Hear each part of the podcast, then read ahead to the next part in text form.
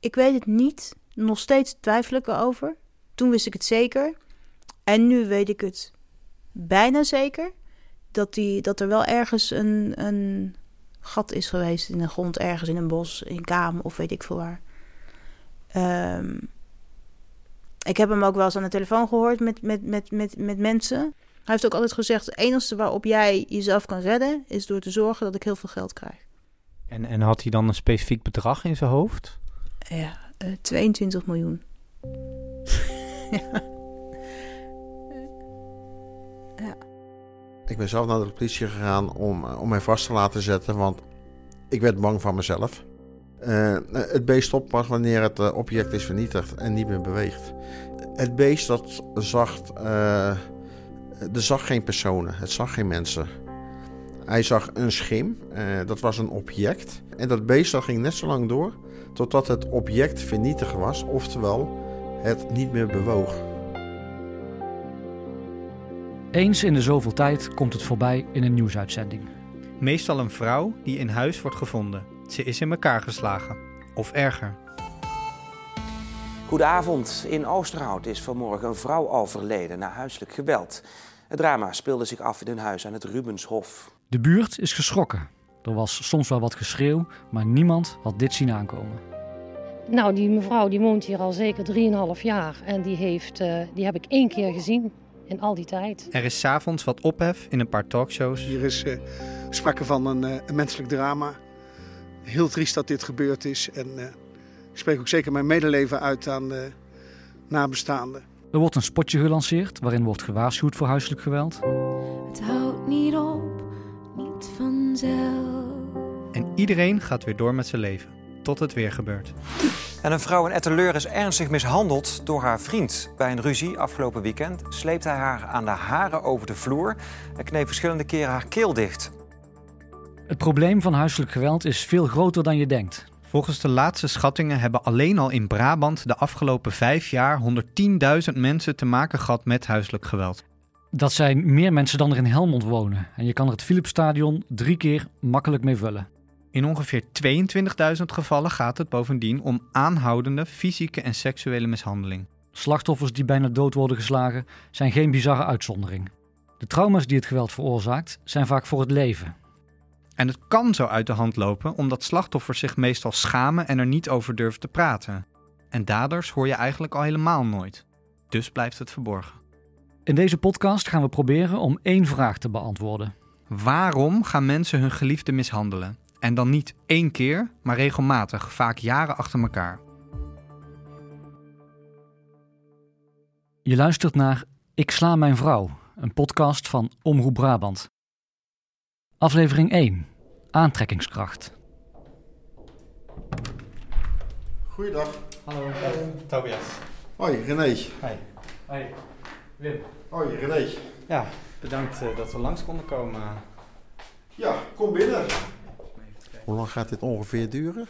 Uh, ja, dat gaan we vanzelf Oké, okay, okay, nou, dat is prima. Als je er geen zin meer in hebt, prima. moet je gewoon zeggen. Dan, uh... ah, dan, haken we gewoon af. Ja. Nee, dat maakt niet uit. René is een opgewekte vijftiger. Hij heeft half lang grijs haar en draagt een roze polo. Hij ontvangt ons in zijn mooi onderhouden nieuwbouwappartement in Eindhoven. Hij is heel vriendelijk. Uh, mijn naam is René Haring, 56 jaar. Uh, groot deel van mijn leven heb ik te maken gehad met agressie en geweld. En mijn negatieve hoogtepunt was uh, plegen van ernstig huiselijk geweld worden. Waarom wil je met ons praten? Omdat het denk ik heel belangrijk is om uh, verhalen te vertellen die waar gebeurd zijn, waar uiteindelijk een leerling van getrokken moet worden. Als we met z'n allen huiselijk geweld willen verminderen, dan, dan, dan zullen de mensen moeten gaan opstaan die het taboe weghalen. Mm, we denken nog steeds achteraf. Uh, er moet eerst wat gebeuren. Uh, dan moet er een aangifte komen. En dan wordt een uh, pleger van huiselijk geweld vaak opgepakt. waardoor we dus altijd achter de feiten aan blijven lopen. We spreken ook met Karin. Ook zij heeft ervaring met huiselijk geweld. Ik ben 46 en ik ben 9 jaar mishandeld door mijn ex-vriend. Karin is 28 als ze haar ex leert kennen. Ze werkt in een schoenenwinkel in Breda. Het was in het Ginnek in Breda. En uh, ja, we gingen heel veel uit en we hadden altijd veel lol in het Ginneken ook. En iedereen kent elkaar daar. En, en eh, het was gewoon een superleuke tijd. Eigenlijk zo'n tijd waar je een beetje van droomt. Ik kon altijd een monstercollectie nemen, want ik had maat 37. En eh, ehm, de vriend van mijn vriendin, die, eh, die eh, verkocht schoenen. En eh, ja, hij had ook een fabriek in Italië. Dus wij konden altijd, eh, maat 37 hadden we allebei. Dus wij kregen altijd een monstercollectie. Nou ja, ik denk dat ik wel, wel 150 of 200 paar schoenen heb. Hakken en zo. ja, Waar bewaar je die dan? op zolder.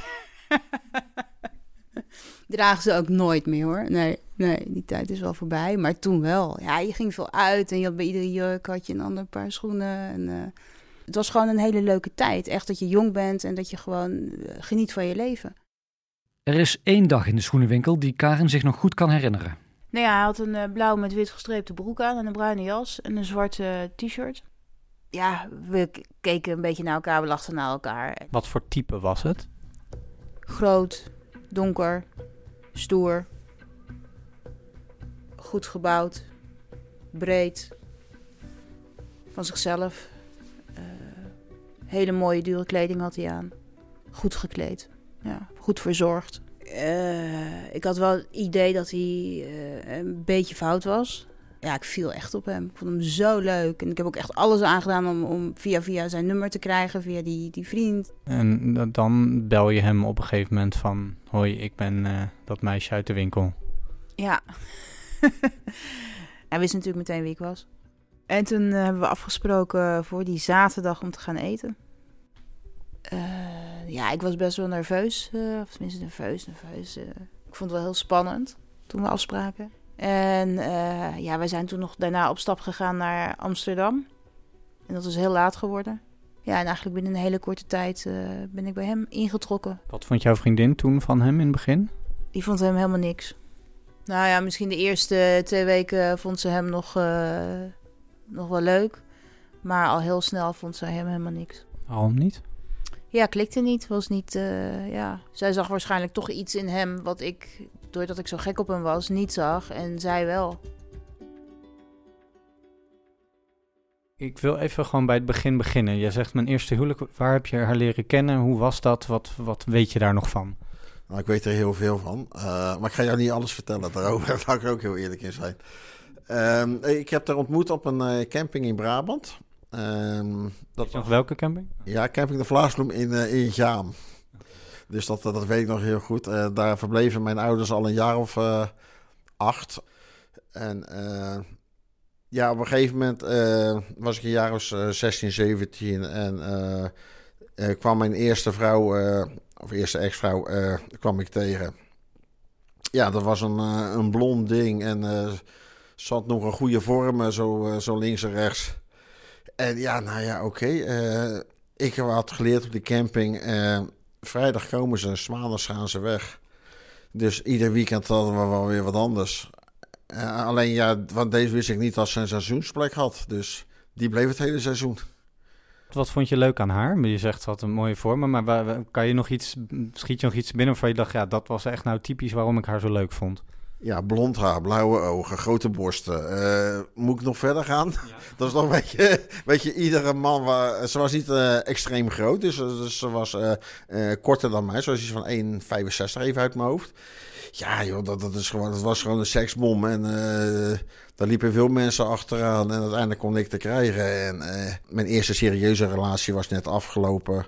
eh, waar ik best wel veel pijn van had. En eh, ja, nou ja, er is maar één ding om daar overheen te komen. En dat is heel simpel. eh, de ene weg, dan maar snel beginnen aan de andere. En dan vergeet je die ene wel. Hoe, heb je haar gevangen? Hoe heb ik haar gevangen? Jezus, eh, wat een vragen zijn dit, joh. Ehm, we zijn een keer met een feestje zijn we naar, eh eh, hoe heet het? Naar Hilvarenbeek geweest. Naar de Beekse Bergen. En eh, ja, dan gingen we met een auto of zes. Want die leeftijd hadden we dan wel, dat, allemaal, eh, dat er veel mensen waren die een auto hadden. Eh, ja, daar is het eigenlijk een beetje ontstaan. Eh, daar liepen nog een aantal pinguïns en... zij liep daar een beetje rond en ik heb daar een beetje tussen de pinguïns eruit. Ja, dat is weer actie en reactie. En dat is uiteindelijk blijven hangen. Dus dat, zij had het ook wel leuk gevonden volgens mij tussen die pinguïns. Daar hadden jullie gezoend? Of? Eh, nou, we hebben er eerst tussen gelegen en daarna zijn we langzaam elkaar wat beter gaan leren kennen. En uh, ja, er waren toch wel veel dingen die, die aantrokken bij elkaar. Ja, ja en dan ga je keer samen op vakantie en dan ga je verloven en dan ga je trouwen en dan komen de kinderen. Ja, en, en, zo gaat dat door. Ja, wij zijn, ik denk na drie maanden zijn wij op vakantie gegaan naar Turkije, naar Bodrum. Je weet, ja, vroeger mocht je in het vliegtuig roken, toen al niet meer. Uh, en hij uh, heeft toen wel gerookt in het, in het vliegtuig, in het toilet van het vliegtuig. En, ik, en, en dat heeft die stewardess, die heeft dat gezien.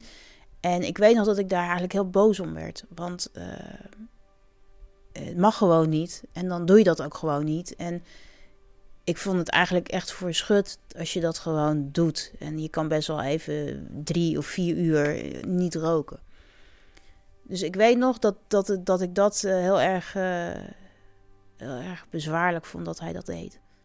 Toen zijn we in het hotel aangekomen en het was een heel groot uh, hotel, resort, all-in gebeuren. Het begon al in een discotheek, begon hij ook al heel raar te doen. En uh, ja, ik, ik, was, ik was jong en ik, had super lang haar en ik had een goed figuur. En ja, er zullen ook wel mannen naar mij hebben gekeken in die tijd. En ik denk dat hij dat, dat hem triggerde ook. En dat hij daardoor jaloers is geworden of zo. Ik weet het, dat denk ik, ik weet het niet. Nou, van iemand die gewoon heel vrolijk is en, en aardig. Naar iemand die ineens heel uh, hele andere blik in zijn ogen krijgt en heel, heel donker wordt. Ja, kom mee en waar ben je mee bezig? Laten we gaan. En weet je, heel, iemand die ineens heel eng wordt. Hè? Heel, ja, heel eng. En toen zijn we gaan eten. Eh, en ik zat daar echt een beetje te mieden tegenover hem. Want ik, ja, ik vond het ook een beetje eng. En ik had het natuurlijk nog nooit meegemaakt. En je zit in een ander land, in zijn land, uh, waar hij de taal spreekt en ik niet. En toen weet ik nog wel dat ik, ik zat tegenover hem en hij was soep aan het eten. En toen sloeg hij dat bord soep sloeg hij, over mij heen. Zonder enige aanleiding of zonder, ja... Ik zat helemaal onder